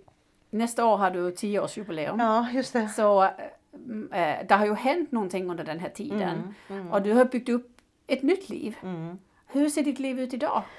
Nu är jag gift sedan 2020. Vi blev tillsammans 2018. Eh, vi är ett band tillsammans. Han spelar percussion. Och jag spelar gitarr och sjunger. Och vi var i ett annat band då. Han sökte till det bandet som percussionist. Och så fick vi ögonen på varandra och det visade sig att vi var tvillingsjälar. Riktigt, ja, riktigt, alltså det är en klyscha kanske, utnött uttryck. Men vi är verkligen tvillingsjälar. Verkligen tvillingsjälar. Fantastiskt. Ja, jag har sett, nu har vi fikat här, jag har Ja. träffat din man. Ni är ju så gulliga Ja. tillsammans. Ja, det är mest, jag trodde inte ens alltså, det fanns sådana män kvar på jorden. Alltså ärligt Nej. talat. Alltså. Så det var helt, helt fantastiskt. Nej, så att, ja, nej, jag älskar honom av hela mitt hjärta. Hur gammal var du när du träffade Då- din tvillingsjäl? Eh, 61 var vi bägge två. Lyssna här samma alla årskull. kvinnor som Ja. lyssnar. Som har taskiga äktenskap, eh, gamla äktenskap eh, bakom Ja. sig. Det finns Ja, snälla, goa, härliga killar ute. Till kvinnor i alla åldrar. absolut finns det. Det är helt otroligt. Så vi, så hade vi ett riktigt bröllop sen. Jag har aldrig haft brudklänning. Jag har gift mig tre gånger, det är tredje gången. Så första gången så hade, var vi så fattiga så då hade jag bara hittat bara en liten vit klänning. Eh, som barnens pappa då som jag gifte mig med då. Eh, och då gifte vi oss i kyrkan också. Men, och hade en gul hibiskus i mitt långa svarta hår. Också. Eh, men det var inte ingen brudklänning så. Sen när jag gifte mig med den här så kallade brodern då. Då hade jag liksom bara vinröd sidendräkt och vinröd sammetsjacka och så det var lite mer. Vi gifte oss hemma hos en äldste broder. Här i Ängelholm tror jag faktiskt. jag tänker efter. Mm. Jaha, okej. Ja. Eh, och sen eh, så nu den här gången när jag kände att, att jag verkligen gifte mig med rätt person. Eh, då vill jag ha en riktig brudklädsel med slöja och Åh. långklänning och diadem och ja, Nej. hela så här. Och då blev det faktiskt en kyrkoherde som vi vigde oss eh, ute. vad eh, vackert. vid ett slott. Ja, och så. Åh, vad fint. Ja, det var fantastiskt. Så det är första gången man, att man gifter sig med någon som man liksom... Ja, det är, ja, det är på riktigt. Liksom. Åh, vad underbart. Mm. Det kan man ju ihåg när jag gifte mig nu att jag också liksom, är det så här en relation ska vara? Mm, Kan man ha det så här? precis. Att man har sin bästa vän och partner. Man är gift med den Ja, personen. Han precis. älskar mig, jag älskar honom. Ja, ja visst. Ja, det är, Det är så- otroligt. Ja. Vilken känsla att Ja. få. Då fattar man ju galoppen med en Mm. relation. Ja. Och man får uppleva Och så i början då så kände jag ju Alltså jag kunde inte fatta att man kunde ha det så bra med någon man. Att det fanns en man som var så snäll Nej. och så schysst. Men han var inte, alltså han var inte mesigt snäll utan han Nej. kunde minsann säga ifrån om det var någon som var otrevlig på stan eller någonting sånt där. Så att det, han är inte någon mes utan han är bara gudasnäll och har ett gott hjärta. Mm. Och, jag, och, jag, och jag var ju så van att bli nedtryckt liksom i, i flera förhållanden och så. Så att eh, jag, jag kunde inte fatta att, man, att han aldrig var spydig, aldrig pikade mig, eh, aldrig sa något elakt, röt aldrig. Att du vet så här, vi har ju aldrig, jag har aldrig grälat. eh, Eller Nej. någonting. Nej. Alltså det, det händer liksom inte. Nej. Jag kan vara lite, jag är lite hetsig i mitt humör kanske. alltså jag kan lite, men vad sa, du- vad sa du nu? Ja, ja, ja, ja just det. Just det, just det. så, men det, liksom, det blir inte någonting konstigt eller dåligt. Han bara skrattar. Liksom, att han vet att jag är lite så... Oh. Underbart. Ja, ja, det är helt otroligt. Det var nästan som man tyckte att det var konstigt då i början. Att man nästan, nästan ville trigga någonting. För att Ja. tänkte att men så här bra kan man ju inte ha det. Nej, och det är ju också, det vana är ju också det trygga även om det vana är, o- är, är, är otrevligt. Mm. Ja, precis. Så, precis så eh, jag kan faktiskt också eh, ha den känslan för Mm. jag har levt stormiga relationer och, och växt upp i en stormig familj Ja, och mycket ja. högt, Ja. liksom mycket temperament och så vidare. Så det ligger i mig och jag kan också ha ett hett temperament. Att Man kan bejaga det och, och Ja. Markus han bara, men vad, vad håller du på med? Ja. Och liksom, det är väl ingenting att bråka Ja, om. nej, det ligger precis det kände jag igen. För att jag mådde nästan dåligt av att jag mådde bra. Ja, Förstår du? ja, Det kändes jättekonstigt att må bra hela tiden. ja. Så jag tänkte, ja, men nu... Och så blev man nästan, jag är inte ledsen eller deprimerad, men man liksom... Ja, det blev så här väldigt konstig blandning. ja. Ska det bara vara så här bra hela tiden? Ja, just det. Där, Ja, man är van vid de här kontrasterna, Ja, ja. att dualiteten. man är van vid att nästan alltid må dåligt på något sätt i ett förhållande. Mm. Ja, det kan man ju bli beroende av. För det är det som man känner till. Ja, exakt. Ja, ja. Men om man nu tänker, nu har du ju du har ju haft, det blev ungefär 20 år, lite över 20 år du var i, eh, i organisationen. Ja, 25. Eller 25. 25 Ja. sa jag, va? Ehm, och nu är du ute ur det. Hur, hur ser du på Jehovas vittnen idag? Ja, alltså jag tycker nog ganska synd om dem som är kvar. Faktiskt. Och jag, bara för man har fått sån distans själv nu så kan jag nästan... Jag det är nästan svårt att förstå att folk är kvar. Mm. Man tycker att det är jättemärkligt men ser de inte, förstår de inte? Alltså, Det är så skönt att komma ut på andra sidan och få friheten och mm. andas in luften på riktigt. Ja. Det är ju, man brukar säga i Jehovas vittnen att tänk när du vaknar upp i paradiset och det är som en tung, tung ryggsäck som lyftas bort från dig med alla bekymmer. Det handlar bara om att lämna församlingen. Då är ryggsäcken borta. För det är det som är det tunga. Mm, mm, mm. Det är inte bara så lätt heller för det kan vara andra problem också. Jag, jag hör själv hur det låter nu. Men det är faktiskt en väldigt stor ryggsäck att bära på med skuld och skam i församlingen. Man gör aldrig riktigt helt rätt och man gör aldrig riktigt tillräckligt. Och Nej, det är alltid någon anordning man kanske inte helt har koll på och så vidare. Ja, Men tycker du att det är en sekt eller ser du det som en religion? Ja, i många, många, många år, nästan alla år, så var jag helt säker på att det inte var en sekt. För det blev man ju lärd att nej, det här är ingen... Man blev arg på folk som kallade oss för en sekt. Då, för, att, för det var man ju inte. För eh, en sekt det tillkännagavs av en person som är en karismatisk ledare. Då, som Livets Ord eller någon annan sån här. Eh, då är det en sekt eller någon som styr med järnhand och får folk att göra jättemärkliga saker och så. Eh, men så fanns, det fanns ju inte i vittnen utan man hade en ordförande bara i församlingen och så var det någon, någon styrande i kretsen, satt det väl någon där uppe men de var lite så, så, så det var ju ingen sekt så. Men nu med lite med facit i hand så tycker man att jo, banne mig, att det är en sekt. För att det är som järnhand, man får, måste tycka så här, man får inte ifrågasätta någonting. För, att, för då blir man anklagad för att vara andligt svag och då kan folk dra sig undan ifrån en. Och jag hade många gånger frågor som jag tänkte att, att som jag förstod skulle låta tvivelaktigt, liksom, att jag tvivlade. Som jag inte vågade framföra för jag tänkte ja, men då kanske jag gör ett oandligt intryck. Mm. Och då får jag inga vänner.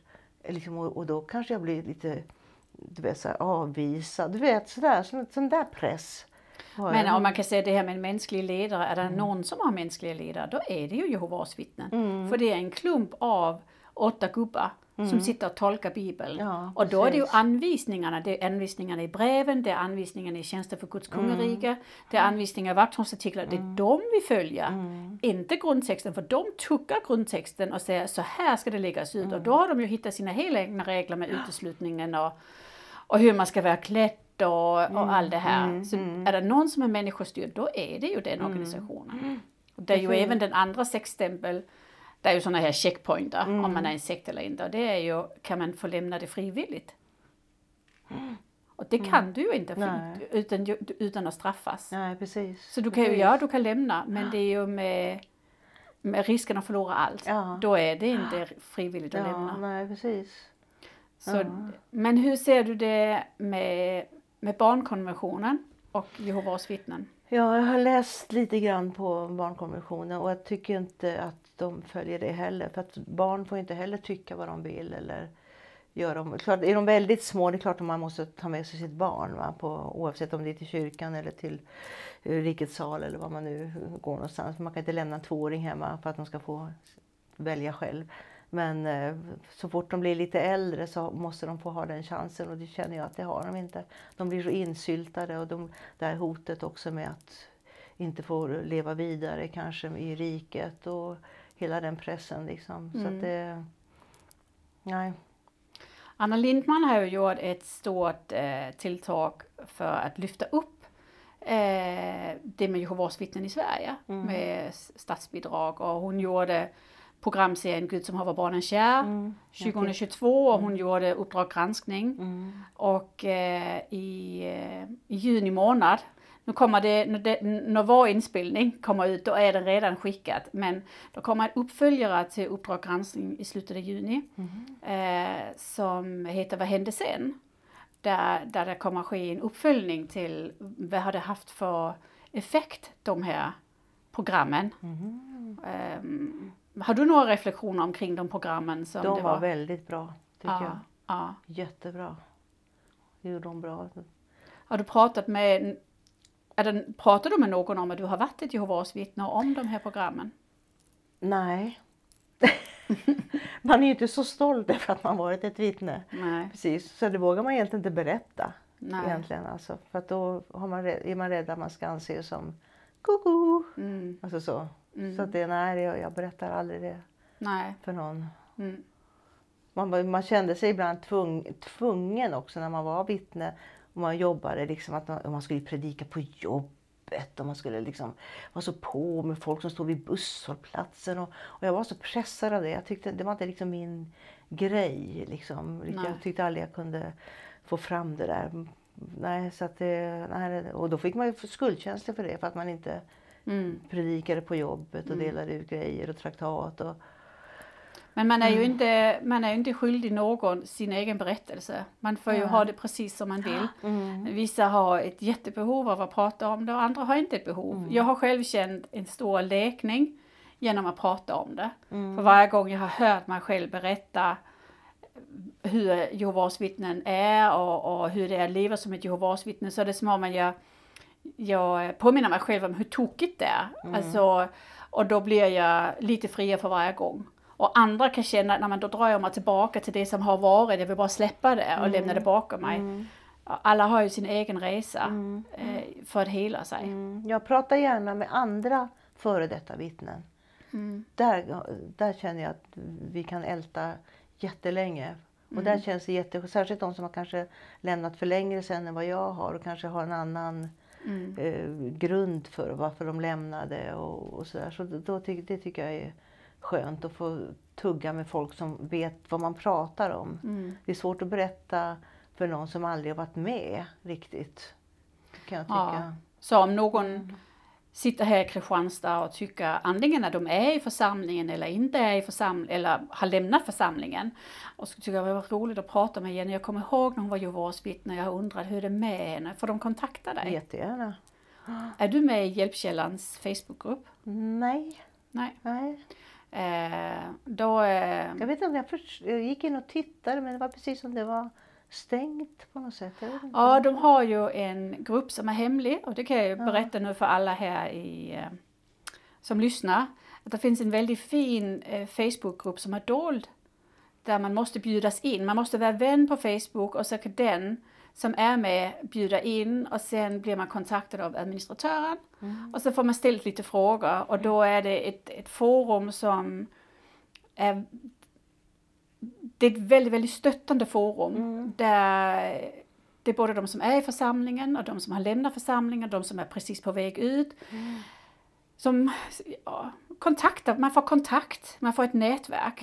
Och det är väl något av det viktiga när man håller på och ska lämna, man får ett nätverk utanför. Men också prata med någon annan som har gjort den här resan innan. Hur känns det, hur var det, hur gick det?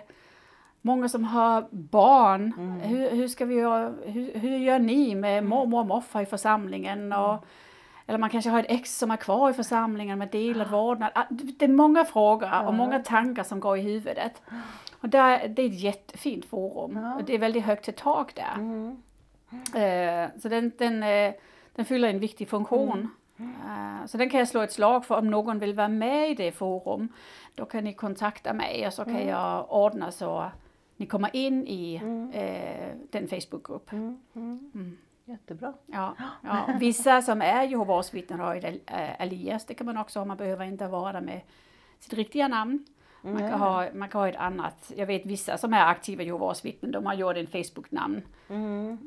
Ja, vad det nu är för Ja, ja, någonting de precis. gör. Ja, eh. Men det, för det är ju inte det som är frågan, vem du är, det är Nej, dina nej. frågor och, och hur har andra gjort Ja, det. det.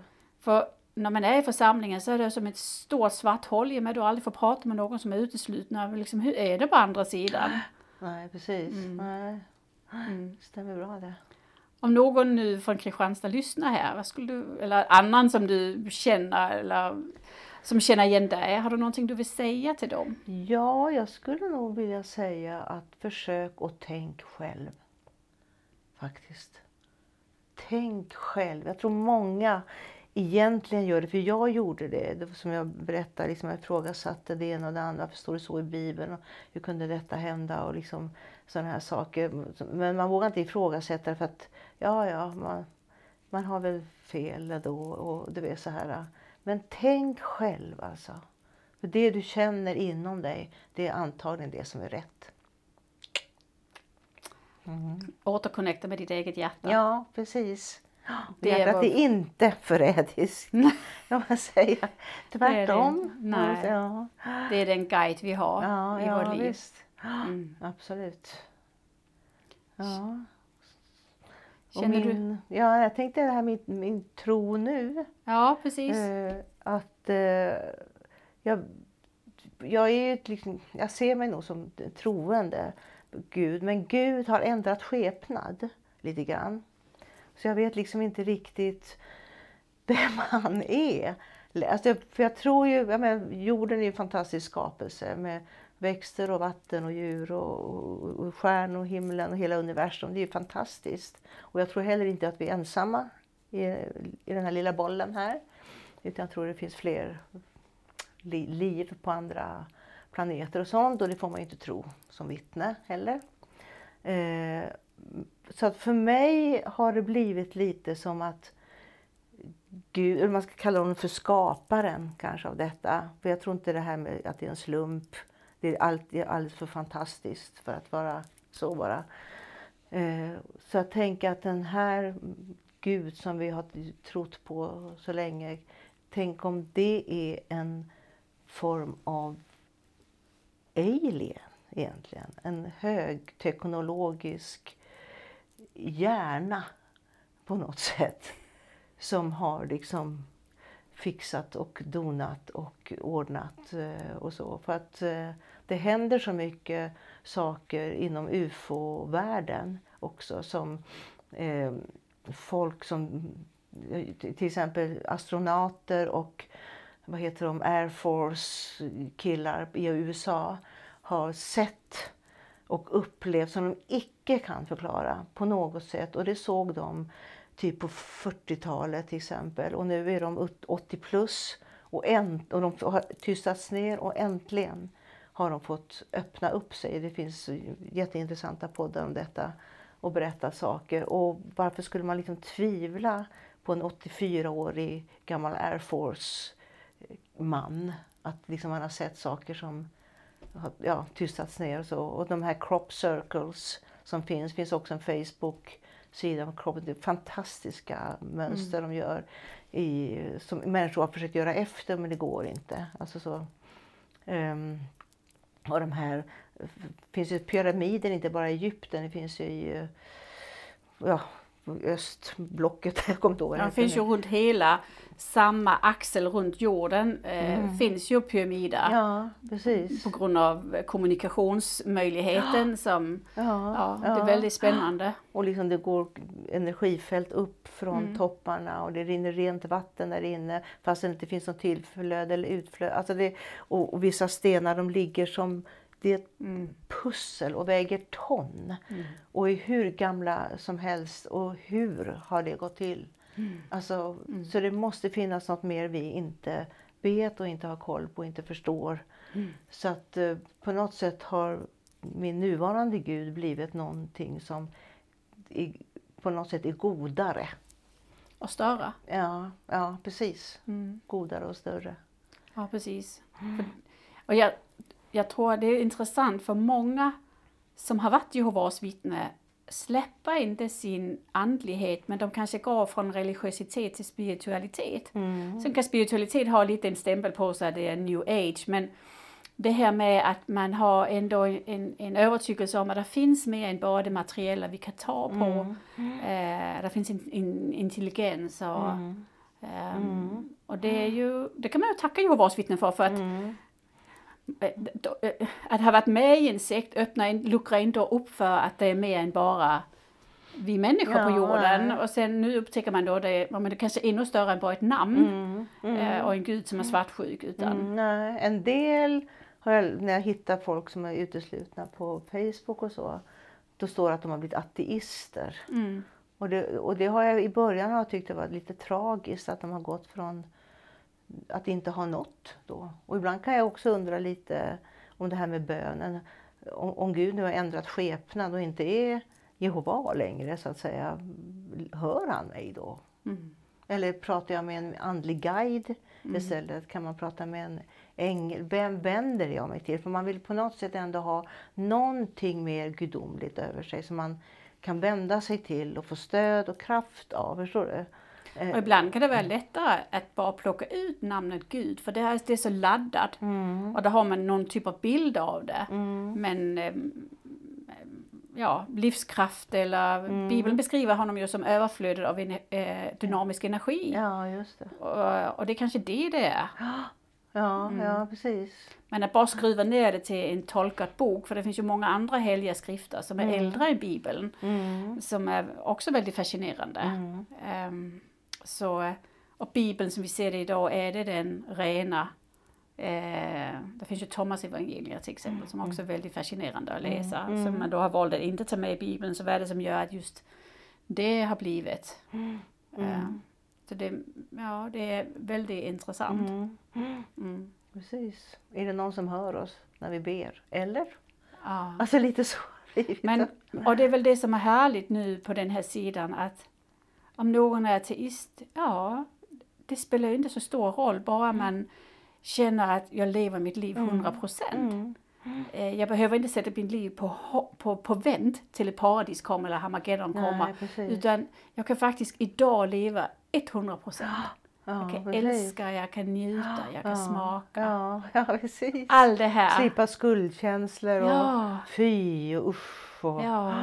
Ja. Eh, Jag kan bara leva precis och jag kan älska precis den jag, personen jag vill Ja, eller ja, de jag vill och umgås med dem jag tycker är härliga. Ja. De behöver inte tro som mig. Nej. De Nej, behöver nej, inte tycka precis. som mig. Nej. Jag tycker om dem precis ja. ändå. Ja, exakt. Nej, Ja. Det är härligt. Det är väldigt härligt. Jätteskönt är det. Verkligen. Känner du att du har fått dela din berättelse? Ja, det finns mycket att berätta. Känner du Ja. dig nöjd med det här? Ja, det, det tror jag i alla fall. Känns det så. Ja. I så fall vill jag säga tusen tack för att du vill komma hit Jenny Mm, tack själv och dela din komma. berättelse med ditt vackra franska namn. Ja, just det. Ja, det var Och roligt. eh, jag eh, kommer att dela dina kontaktuppgifter Mm, i, eh, i texten här Mm. om någon känner igen dig och vill ha kontakt. mm, jättegärna. Mm. Det går bra. Då säger jag hej då. Vill du vara med i Vakna med Caroline och gäster? Att dela med sig av sina upplevelser kan frigöra en hel del blockeringar och hjälpa dig vidare i livet. Det är ofta helande och läkande att höra sig själv berätta vad man har varit med om och som man faktiskt har klarat av. Det är som en tung ryggsäck som man kastar bort för att gå vidare med nya och friska krafter. Besök reject.com och anmäl ditt intresse om du vill vara med. Knappa in r-e-j-e-c-t.com reject.com. Du är varmt välkommen.